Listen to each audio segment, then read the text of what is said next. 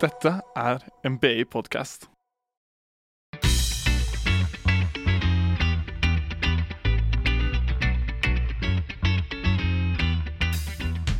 Hei!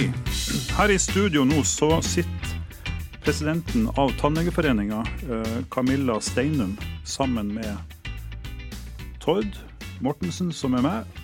Jeg er psykolog og Øyvind Kvalnes, filosof. filosof.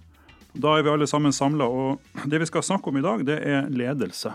Og vi har vært så heldige å få Camilla eh, i studio. Og jeg kan jo fortelle det at jeg, sendte henne noen spørsmål på forhånd. eh, Og hun syntes at det der var veldig omfattende greier. Og da sa jeg til henne det at det er ikke bare omfattende, det er også ganske dypt. Så vi, vi starter med rett og slett å, å, å snakke litt om hvor du kommer fra, Camilla. Du har jo du ble jo tannlege, men før du ble tannlege, så hva var det som gjorde at du hadde lyst til å bli tannlege? Ja, det er eh, et godt spørsmål. Jeg hadde ikke lyst til å bli tannlege. Det var det viktigste for meg. Faren min er tannlege, og jeg tenkte jeg skal i hvert fall ikke bli det. Eh, og så gikk jeg faktisk på Blindern og tok nordisk språk. Jeg er veldig opptatt av litteratur. Eh, og etter det så jobba jeg en sommer hos han i praksis som sekretær. Og da tenkte jeg jo, jeg skal bli tannlege. Så det var sånn det var. Så Yes. det har aldri vært noe sånn sterkt ønske om å, å bli det. Men det, det var veldig spennende den sommeren. Og jeg, det som fascinerte meg med tannlegeyrket, var at man fikk både den menneskelige kontakten og akademia, men også håndverket. Det er, det er en ganske sånn unik kombinasjon, tenker jeg. Et kjempesprang fra litteratur, da.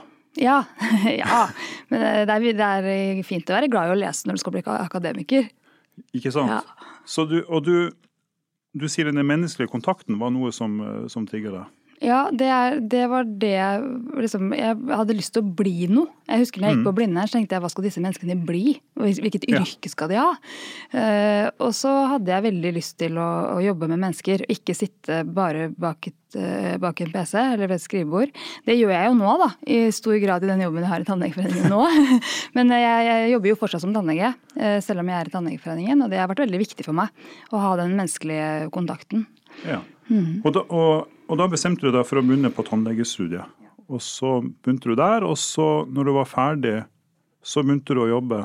Ja, da begynte jeg å jobbe som tannlege i offentlig sektor. Ja. Eh, Så jeg jobba der eh, noen år. eh, Og ved siden av det så starta jeg og min far da, en privatpraksis. Som jeg har drevet siden 2003. Eh, Så, ja, så jeg har gjort begge deler. I tillegg til det så har jeg jobba litt på universitetet som lærer. Eh, Jobba, har alltid vært engasjert i det med kommunikasjon. Så jeg har jobba en del på kommunikasjonsundervisninga på, på tannlegeskolen. da. Eh, Så det har jeg gjort. Og så har jeg også undervist litt for tannhelsesekretærer. Så jeg har gjort litt forskjellige ting, da. Spennende. Eh, Tord og jeg jo, er jo blant de som skal være lærere på dette eh, kurset i ledelse i regi av Tannlegeforeningen. Så vi er jo nysgjerrig på hva du tenker om lederutfordringer innenfor eh, tannhelse. Hva vi kan forvente Eller hva deltakerne kan stå i av utfordringer som vi bør hjelpe dem til å være forberedt på. Ja, det har jeg jo tenkt uh, ganske mye på når jeg skulle komme hit til dere. Uh, jeg tror at, uh, at mine erfaringer Altså mange kjenner seg igjen i det, og jeg har aldri, altså, aldri tatt noe bestemt valg om å bli leder.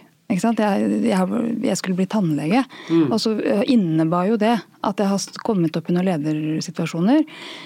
Både som leder av tannhelseteamet. At man jobber i team eh, som tannlege med tannsekretær og ofte tannpleier. Eh, og også det å drive egen klinikk, hvor man har personalansvar og en del av de tingene.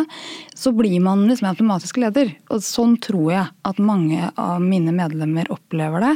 At man, det er en sånn ekstrating som kommer på kjøpet som man ikke har reflektert så mye over. Og jeg tenker at den påmeldingsstormen som kommer nå, altså vi er jo veldig glad for det, at det er mange som har lyst til å gå på dette lederkurset. Og jeg tror at det kanskje viser noe av av det, da. At, at man faktisk eh, ikke vet så mye om det å være leder, og forhåpentligvis ønsker å ta det litt mer på alvor. Da. For i løpet av tannlegestudiet så lærer man ingenting om det. Man lærer heller ingenting om å drive praksis. Eh, å være liksom praksiseier. Så det er jo utfordrende for mange. Mm. Så du, du, sier det at eh, når du, når du jobber sammen med, med tannhelsesekretær og tannpleier, så, og mot pasienten, så er det egentlig en, en situasjon der ledelse utøves, sier du. Egentlig. Ja, det, det er jo det. Mm. Altså, jeg tenker det, Så samtidig som du er kollega og en del av et team, så er det jo uh, tannlegen på en måte leder av det teamet og har ansvaret for den pasientbehandlinga som foregår. Uh, uh, og det er jo det å stå i det spennet mellom å være en god kollega og være en av, av de som er på klinikken og å være leder, særlig på små, i små virksomheter, det tror jeg at mange syns er vanskelig. og, og kanskje ikke kanskje ikke adresserer og tar alle de utfordringene som egentlig man kanskje burde ta. Da. Fordi at man syns at det er, er, eh, problematisk. Men du tenker at mange tannleger havner som leder ikke fordi de har hatt et, en ambisjon om det på, på lang sikt, eller har vært bevisst på at det er planen hele tiden, men at de mer havner havner der og skal håndtere det så godt de kan? Ja, Særlig privat sektor, for der er det jo mange små bedrifter og små eh, virksomheter. Så der tror jeg at, at det er liksom en oppgave som kommer litt sånn bare kommer. Men i offentlig sektor så er det nok flere som har tatt det valget mer som bevisst. da. At man ønsker å være klinikksjef eller overtannlege, eller som vi kaller det. da. Eh, og det er nok mer bevisste valg. Og da er det jo ofte litt større enheter òg. Og jeg jeg, opplever I Tannlegeforeningen så har vi jo 25 ansatte. Nå er jo ikke jeg daglig leder, jeg er styreleder. Det er to forskjellige ting. Men jeg har jo allikevel mange tillitsvalgte under meg. Eh, og det er jo veldig stor forskjell på å lede en stor gruppe eh, og å lede på min egen lille klinikk. Og jeg, det er meg og min sekretær. Mm. Det er to forskjellige situasjoner, da. Mm. mm. Men Tror du det er noe spesielt ved det å være leder innenfor tannhelse, sammenlignet med det å være leder eh, i en annen virksomhet eller en organisasjon? Er det noe unikt ved det å jobbe innenfor eh, dette feltet her, for en leder? Altså jeg vil jo tro at en del av lederutfordringene er, er de samme, men eh, i privatpraksis, eh, i små virksomheter, så er jo tannlegen ofte den som også gir inntekt. Altså bringer inntekt til praksisen. Og det tror jeg at mange privatpraktiserende føler som, et, uh, som en vanskelig spagat. Det at hvis man skal bruke tid på andre ting enn å jobbe med pasienter, som ledelse, så har man ikke inntekt. Mm. Og det tror jeg er kanskje litt tydeligere i små virksomheter, i hvert fall. da. Når du, når, altså, når du jeg vil litt tilbake til denne situasjonen der du sier at du egentlig er leder når du er tannlege i det små, faktisk. Når tenkte du første gang at jeg er også leder, jeg er ikke bare tannlege? Nei, det, altså det, det man oppdager når man skal starte klinikk, da, som jeg, opp, eller som jeg i hvert fall var ikke et sjokk for meg, men som var liksom litt overraskende, var at du plutselig fikk så mange andre roller enn det å være tannlege.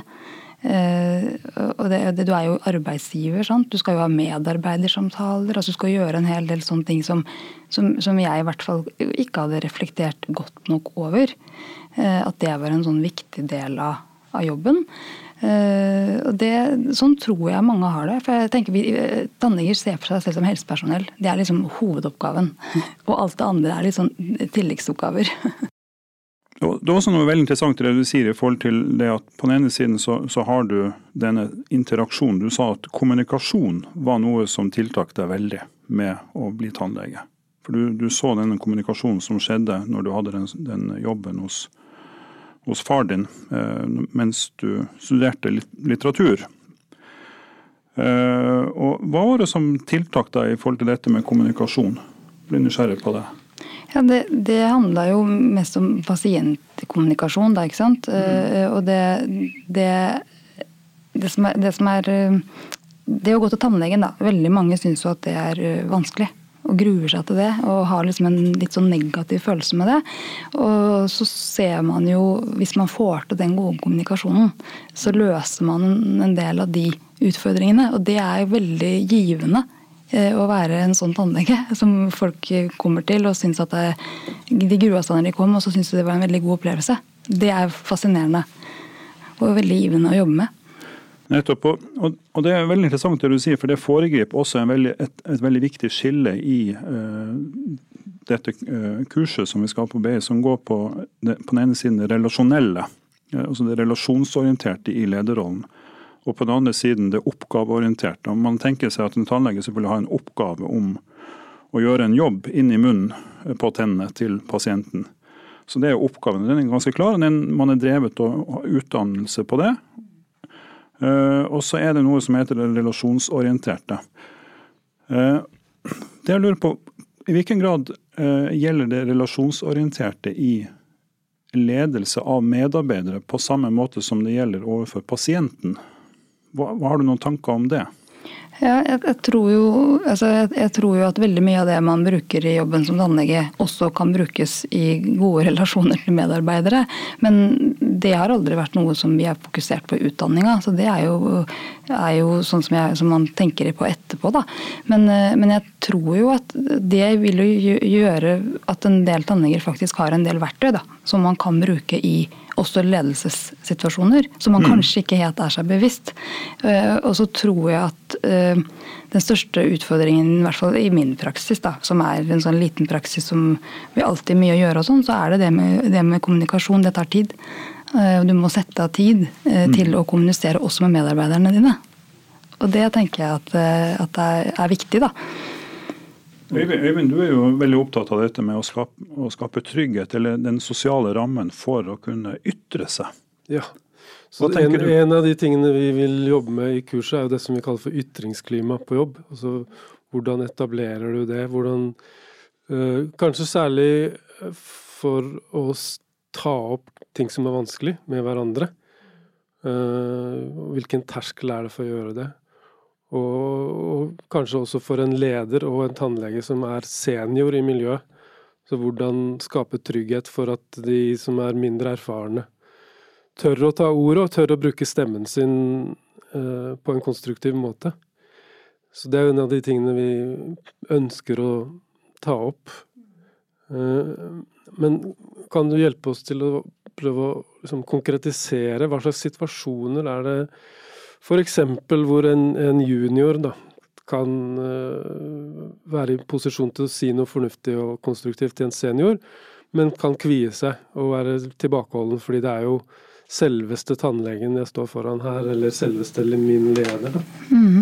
Jeg, er, jeg tror det handler om å skape rom og, og gi anledning, rett og slett. For jeg tror mm. ofte at i en hektisk hverdag så er det det som nedprioriteres. Og man, man har, føler kanskje ikke at man har noe tid eller sted til å gjøre disse tingene. Da. Så, I hvert fall i min praksis så føler jeg liksom, prøver jeg å tenke på uh, det å ta seg tid, uh, kanskje en, sette av litt tid før eller etter lunsj f.eks. til å faktisk ha de litt vanskelige samtalene. Mm. Uh, og så er det jo sånn Jeg tenker at jeg er veldig opptatt av det å jobbe i team og det at alle har sine egne kompetanseområder. Alle er best på noe. Det å være leder betyr jo ikke at du er best på alt. Heldigvis, på en måte. Eh, og, og, da tenker jeg at det å åpne for andres meninger, det å faktisk anerkjenne at de andre i teamet har noe viktig å komme med, det, det tenker jeg er veldig, veldig viktig. Mm. Men jeg tror eh, ofte det handler om tid og rom, og det å gi litt Ja, ja det å, å, gi noe plass da, til sånne samtaler. Mm.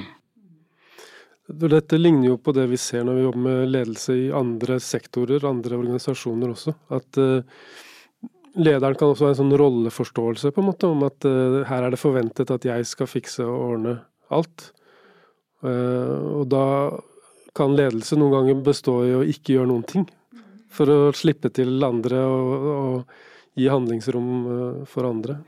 Og i, og i tannlegebransjen så, så, er det jo også sånn at at tannlegen blir på en måte den naturlige lederen i kraft av utdanninga si og sånn. sant? Og, da, og da, da, er det jo lett å tenke at det, liksom, det er den som, som, kan alt, men sånn er det jo heldigvis ikke. Og, og det er også viktig at, eh, at, selv om man har en høyere utdanning, så betyr jo ikke det at man vet best i alle situasjoner. Og, det, og sånn tror jeg ikke tannlegene tenker, men jeg kan tenke at det er lett for f.eks. en sekretær å tenke sånn, da. Det hva har mm. jeg å komme med? Mm. Men sånn er det jo ikke. Mm. Mm. Hvordan var din erfaring med å være Du var jo tannhelsesekretær som en sommerjobb. Og det var jo eh, i forhold til faren din, så det var kanskje litt spesielt på den måten. Men, men hva slags perspektiv har du dratt med deg fra, fra den rollen som leder, når du, når du etter hvert ble tannlege og leder? Det, jeg kan ikke huske at jeg liksom har tenkt så mye over det. Det var jo en litt spesiell situasjon med, med faren min. Men jeg, men jeg, opplever veldig sterkt, i hvert fall i min egen praksis, uh, at uh, altså Jeg pleier å si, si, til mine pasienter at den viktigste på min klinikk er min sekretær. Det er hun som møter pasientene, det er hun som tar telefonen, det er uh, hun som snakker med dem når de, når de, kommer inn, og det er hun som passer på at alt er i orden så jeg kan gjøre min jobb. og det, det, det så jeg jo den sommeren. hvor, hvor hvor mange ting faktisk en tannhelsesekretær har ansvar for.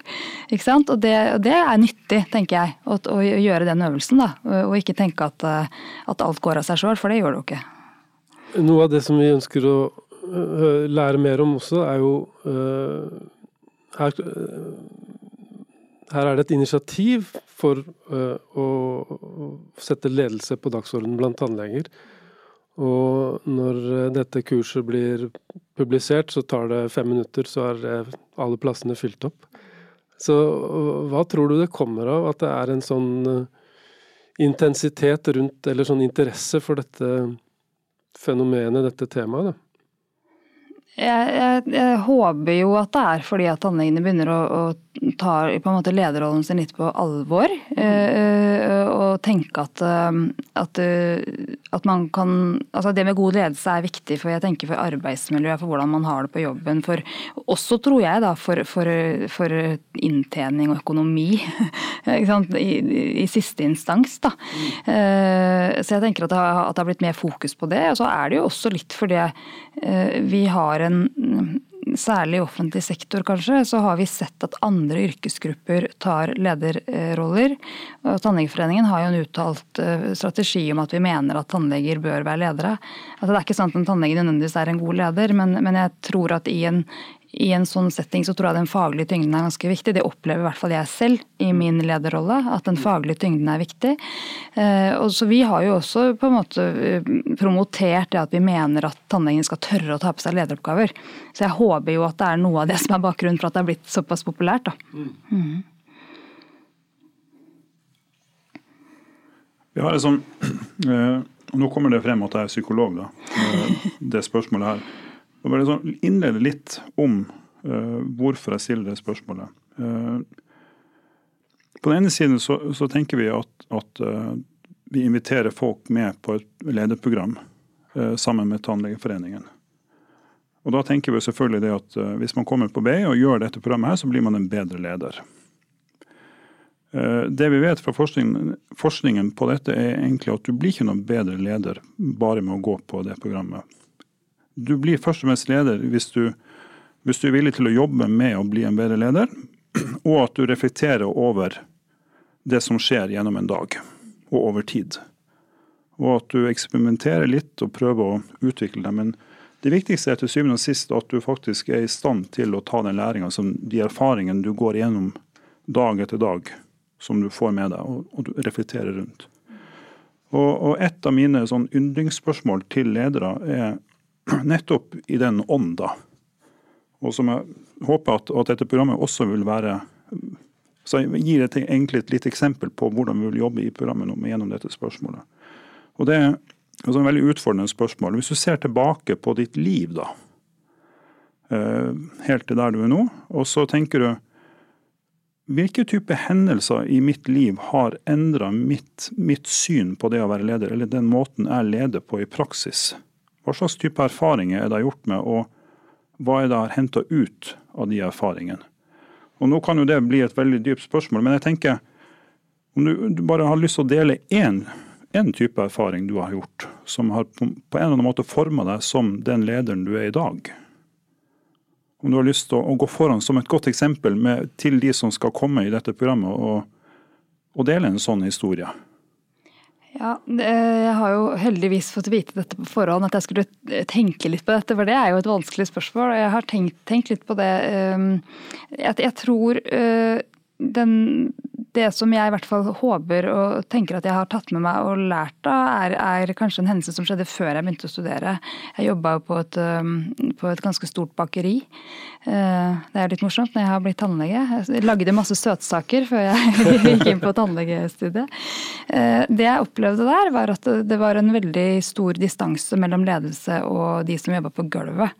Og det var, en veldig sånn, det var veldig tydelig at det var noen som var bedre enn andre. Eh, og jeg opplevde der at det, de som var arbeidere, var ikke noe viktige. Eh, det har kanskje forma meg mer enn jeg har trodd. Da. For jeg, i hvert fall så opplever jeg at det er veldig viktig at jeg i hvert fall forsøker å se andre rundt meg. Eh, og det å gi alle følelse av at de bidrar, og at vi er på en måte på vei samme sted. Jeg tenker Hvis alle drar i samme retning, så blir man sterkere, og da går det bedre. Så det å liksom tro at man er bedre enn andre som leder, det tror jeg ikke er noe Jeg tror ikke det er noe smart, da. Eh, så det, det, jeg, så det er liksom kanskje den opplevelsen som jeg tenker at eh, så, Sånn leder har jeg i hvert fall ikke lyst til å være. En som ikke ser andre rundt mm. meg. Mm. Veldig interessant, eh, Camilla. Kan du fortelle det at kan du røpe det at, at, det viser seg det at, at jenter, eller menn og kvinner, svarer litt forskjellig på det spørsmålet der. og, og det mer vanlig at, at, at, kvinner svarer i forhold til relasjonene de har hatt. Liksom svaret fra andre, og også den type negative opplevelser, at det har vært formende. Uh, og, så det er veldig spennende det svaret du uh, Men de som kommer på kurset, vi skal reflektere ganske mye mer rundt disse Eh, spørsmålet her. Og, men, men, hvordan er det menn pleier å svare på det? Nei, altså, det, det, det, jeg, jeg, kan ikke røpe for mye, da, men jeg kan si det at, at uh, de lettvinte svarene uh, kommer ofte fra la oss si dårlige ledere, i anførselstegn. Uh, og så En lettvint svar ville være f.eks.: Ja, det var denne suksesshistorien her, der jeg gjorde sånn og sånn, og snudde om hele Eh, den virksomheten, og det gjorde jeg fordi at sånn og sånn, og jeg var også flink. Så det er ofte det er litt sånn uh, grunne svar, uh, som egentlig ikke er så mye kanskje refleksjonsdybde i. da. Uh, men, men, litt av poenget her i denne sammenheng er jo det at, at du kommer deg egentlig ikke rundt å kunne måtte reflektere litt rundt ditt eget, liv som leder. både i den lederjobben du har, men også hendelser i ditt liv. Og det som du drar med deg fra dette, er jo at du begynner å se på dine erfaringer og tenke OK, hva er det jeg kan forbedre i forhold til det, hva er det jeg lærte fra dette? Og Det er veldig mye av dette vi, vi prøver å få til gjennom de fire dagene vi skal være sammen på, på Handelshøyskolen BI. Vi har jo snakket med to som har vært, to tannleger som har vært gjennom lederutdanning tidligere. Og en ting de svarer når vi spør hva de har fått med seg ut av det, det er jo at de har forstått nødvendigheten av å reflektere over det de er med på. Og reflektere over egen praksis. Så det er jo noe vi vil tematisere i kurset også. At du lærer, det, er en, det er en feil oppfatning å tro at du lærer av erfaring. Um, bare at erfaring gir læring. Erfaring gir læring hvis du kobler på refleksjon også, og tenker gjennom hva var det egentlig jeg var med på nå. Uh, hvordan håndterte vi den situasjonen der sammen? Og hvordan kan vi gjøre det enda bedre neste gang, på en måte. Uh, så det tenker jeg også er noe av det vi vil være opptatt av. Men det betyr også at deltakerne på kurset, når de kommer tilbake til sin hverdag, må passe på at de setter av tid til å reflektere. Man har lært, på et vis. da, ja, ikke sant? Og, men sånn er, det jo, sånn er det jo sånn er det å være tannlege også. Man går på kurs og lærer noe, så blir man jo ikke god på det før man gjør det flere ganger. Mm. Så jeg tenker Det er jo liksom gjenkjennelig. at Man mm. kan ikke bare gå på kurs, og så da er man, liksom, da er man ferdig med det. Nei, Men jeg tror også det også, når det oppstår episoder på jobb også, å bruke dem aktivt til å utvikle lederskapet sitt. da og tenke, tenke, sammen eh, rundt hva var det vi gjorde nå, og hvordan kan vi forbedre disse tingene. Et annet poeng som, eh, som vi kommer inn på i programmet, det var noe du innleda med. Og det går på det at man på et tidspunkt så opplever man selv man seg på et tidspunkt så opplever man seg selv som leder. Og Det er en ganske viktig erkjennelse når man oppfatter seg selv som leder, kontra det at man bare går rundt og er tannlege, eh, og at du tilfeldigvis er da, leder for, eh, for flere personer. Men det å oppleve seg selv, jeg er faktisk leder, og hva, hva betyr det? Mm. Og, og, bli utfordra litt på det, og, og reflektere rundt det, er også en viktig del av dette. Og så tenker jeg i, i altså Det tenker jeg også at jeg håper at dere sier noe om, for jeg tror mange er litt sånn redd for det å, å definere seg selv som en leder, nettopp fordi at man er kollega. Altså Vi er så vant til å jobbe sammen, og liksom, altså, alle har sine roller og sånn. Og så skal man plutselig altså, skal man tørre å, å, faktisk være leder, da. Og hva gjør det med, med kollegarollen? Og det er jo noe som jeg også tenker på i Tannlegeforeningen, for der er jeg jo i, i høy grad blant likemenn. Masse flinke tillitsvalgte, sant. Som jeg, som jeg vil jo ha et forhold til å være en del av den gruppa. Men samtidig så er det noe med den rollen som gjør at jeg noen ganger ikke kan være helt en av dem. Da. Og det er jo både skremmende og utfordrende, men også uh, viktig. At man kjenner den rolleforståelsen. Så det er jo også noe man må reflektere litt over. Man kan være en god kollega, men også leder, tenker jeg. Mm. Uh, det er ikke noe motsetningsforhold, men det kan føles sånn. Mm. Mm. Men eh, noe av det vi vil prøve å formidle, er jo også at lederskap er noe som foregår på forskjellige måter. Og at du både har det lederskapet som utøves av en bestemt leder, som nærmest bestemmer hvordan ting skal gjøres, mm. men at lederskap også er noe som foregår på tvers, da, og mellom mennesker. Ja. Og at det går, på, det går på omgang hvem det er som tar lederskapet i situasjonene. Eh, så vi har jo sett fra forskningen også at det eh, godt lederskap fra toppen innebærer også at du myndiggjør mennesker rundt deg til å ta ledelsen og til å ta føringen i kritiske situasjoner som oppstår. Sånn at du unngår at eh, det forventes at det er du som tar initiativene hver gang. på en måte. Et godt eksempel på det kom jo Camilla inn på når hun, når hun eh, om den rollen tannhelsesekretæren mm. hadde mm. på hennes klinikk. Ja, og den rollen tror jeg tannhelsesekretærer har på mange klinikker. sant? Altså Veldig mye av det Eh, det overordna administrative, det å møte mm. pasientene og alt det der. Og det er jo også, eh, ja, det er jo også viktig å se, å se, den siden av det, da. Men ut fra din erfaring, eh, når er det hva slags situasjoner er det hvor lederskapet til en tannlege settes på, skikkelig på prøve? Kan du liksom, konkretisere hva det kan handle om? Hva, hva er en i en hektisk hverdag på tannlegekontoret, hva er det som kan være situasjoner hvor, hvor lederskapet settes på prøve? Jeg tror, jeg tror, Det kan jo selvfølgelig være pasientsituasjoner som er på en måte vanskelig og sånn, men jeg tror de aller fleste tannlegene opplever mer uh, ubehag ved de der tingene som ikke går på faget. Altså det med, det med lønns... Uh, uh, altså man skal diskutere lønn, og man skal altså bestemme ting på klinikken om, om, arbeidshverdagen og arbeidstid og jeg tror altså alt disse tingene. Mm. Det tror jeg liksom er, er det mest utfordrende. Mm. fordi at det det faglige, altså der man kan komme opp i situasjoner, men det løser man ofte. For at alle er jo på en måte helseutdanna, og det er liksom hovedjobben. Mm. Men jeg tror det er alle de andre tingene, så tror jeg også det kan være utfordrende, eh, i hvert fall på større klinikker hvor det er mange mange ansatte, så er, det er jo da man ofte merker disse litt sånn gnisningene mellom de ansatte. og Jeg tror det er utfordrende for mange tannleger, det å gå inn i sånne personlige relasjoner som kanskje skjærer seg litt og sånn. Ja. ja. Det tror jeg kanskje føles veldig sånn mm, utfordrende. Ja. For det er jo typiske situasjoner hvor det kan være fristende å utsette det, eller eh, ja. la, se, se, hvordan det går. Kanskje mm. det løser seg av seg selv.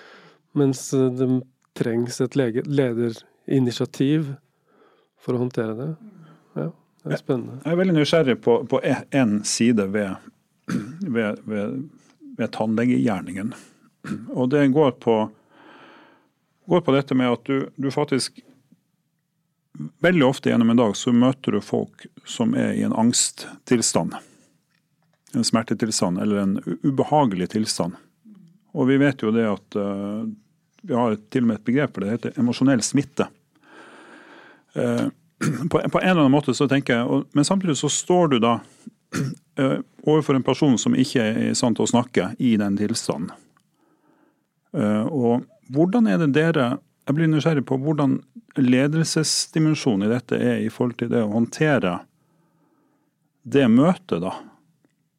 Hva, hva er det en tannlege kan, som leder i den rollen da, kan gjøre en forskjell på i forhold til både det at du, du faktisk er gjennom noe som er veldig for, kan være vanskelig for den personen du behandler, men også for det teamet som er rundt. Er dette et relevant spørsmål. Det er det ene. Jeg vet ikke, jeg bare, spiller, bare sånn naivt stiller det spørsmålet. For jeg vet at kirurger har en del utfordringer rundt akkurat disse tingene. Ja, Det, det er jo veldig, veldig interessant spørsmål, faktisk. For jeg tenker Én ting er jo at du står i vanskelige situasjoner med pasienter som er engstelige, og bruker ganske, ganske mye av deg sjøl. Eh, ganske slitsomme situasjoner kan det være, ikke sant. Eh, og så har vi ikke vært noe flinke på det med debrifing, da, kall det hva du vil. Det å, det å kanskje snakke om de situasjonene etterpå. Eh, det, og det har vi eh, i foreningen og snakka faktisk litt om. I, i, vi har jo noen kurs som handler om denne pasientgruppa.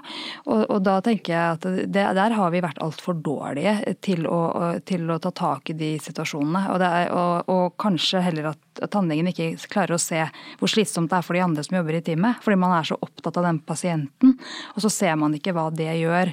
Og jeg har jo noen venninner som er sykepleiere, de er mye flinkere eh, på sånn type settinger. Da. Men det er jo en del eh, De som jobber med de mest alvorlige pasientene, eh, mm. de har jo ofte Altså, de har ofte litt mer kontroll på det, og, og gjør mer sånn debrifing og sånn etterpå.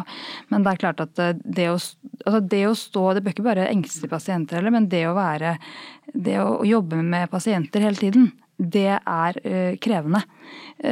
Og det tenker jeg, Derfor tenker jeg det er kanskje enda viktigere at teamarbeidet fungerer og at alle har det ok på jobb. Ellers så blir det veldig vanskelig å stå i den situasjonen. Det er utrolig spennende det du tror på. og Dette er jo også et tema som vi vil bruke en del tid på. Og, mm. og Det er ganske mye forskning som, som underbygger det, dette med at noe av det viktigste en leder gjør, det er jo nettopp å debrife.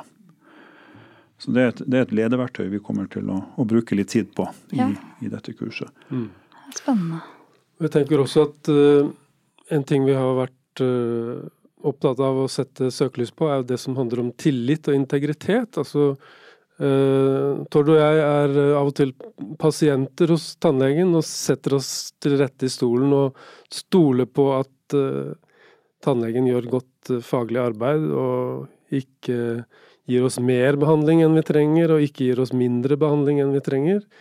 og det er vel også en del av det en leder skal være påpasselig med, og sørge for at, at det gjøres skikkelig faglig arbeid, slik at det er grunnlag for den tilliten som, som vi, vi, pasienter eh, kommer til dere med, da, på en måte.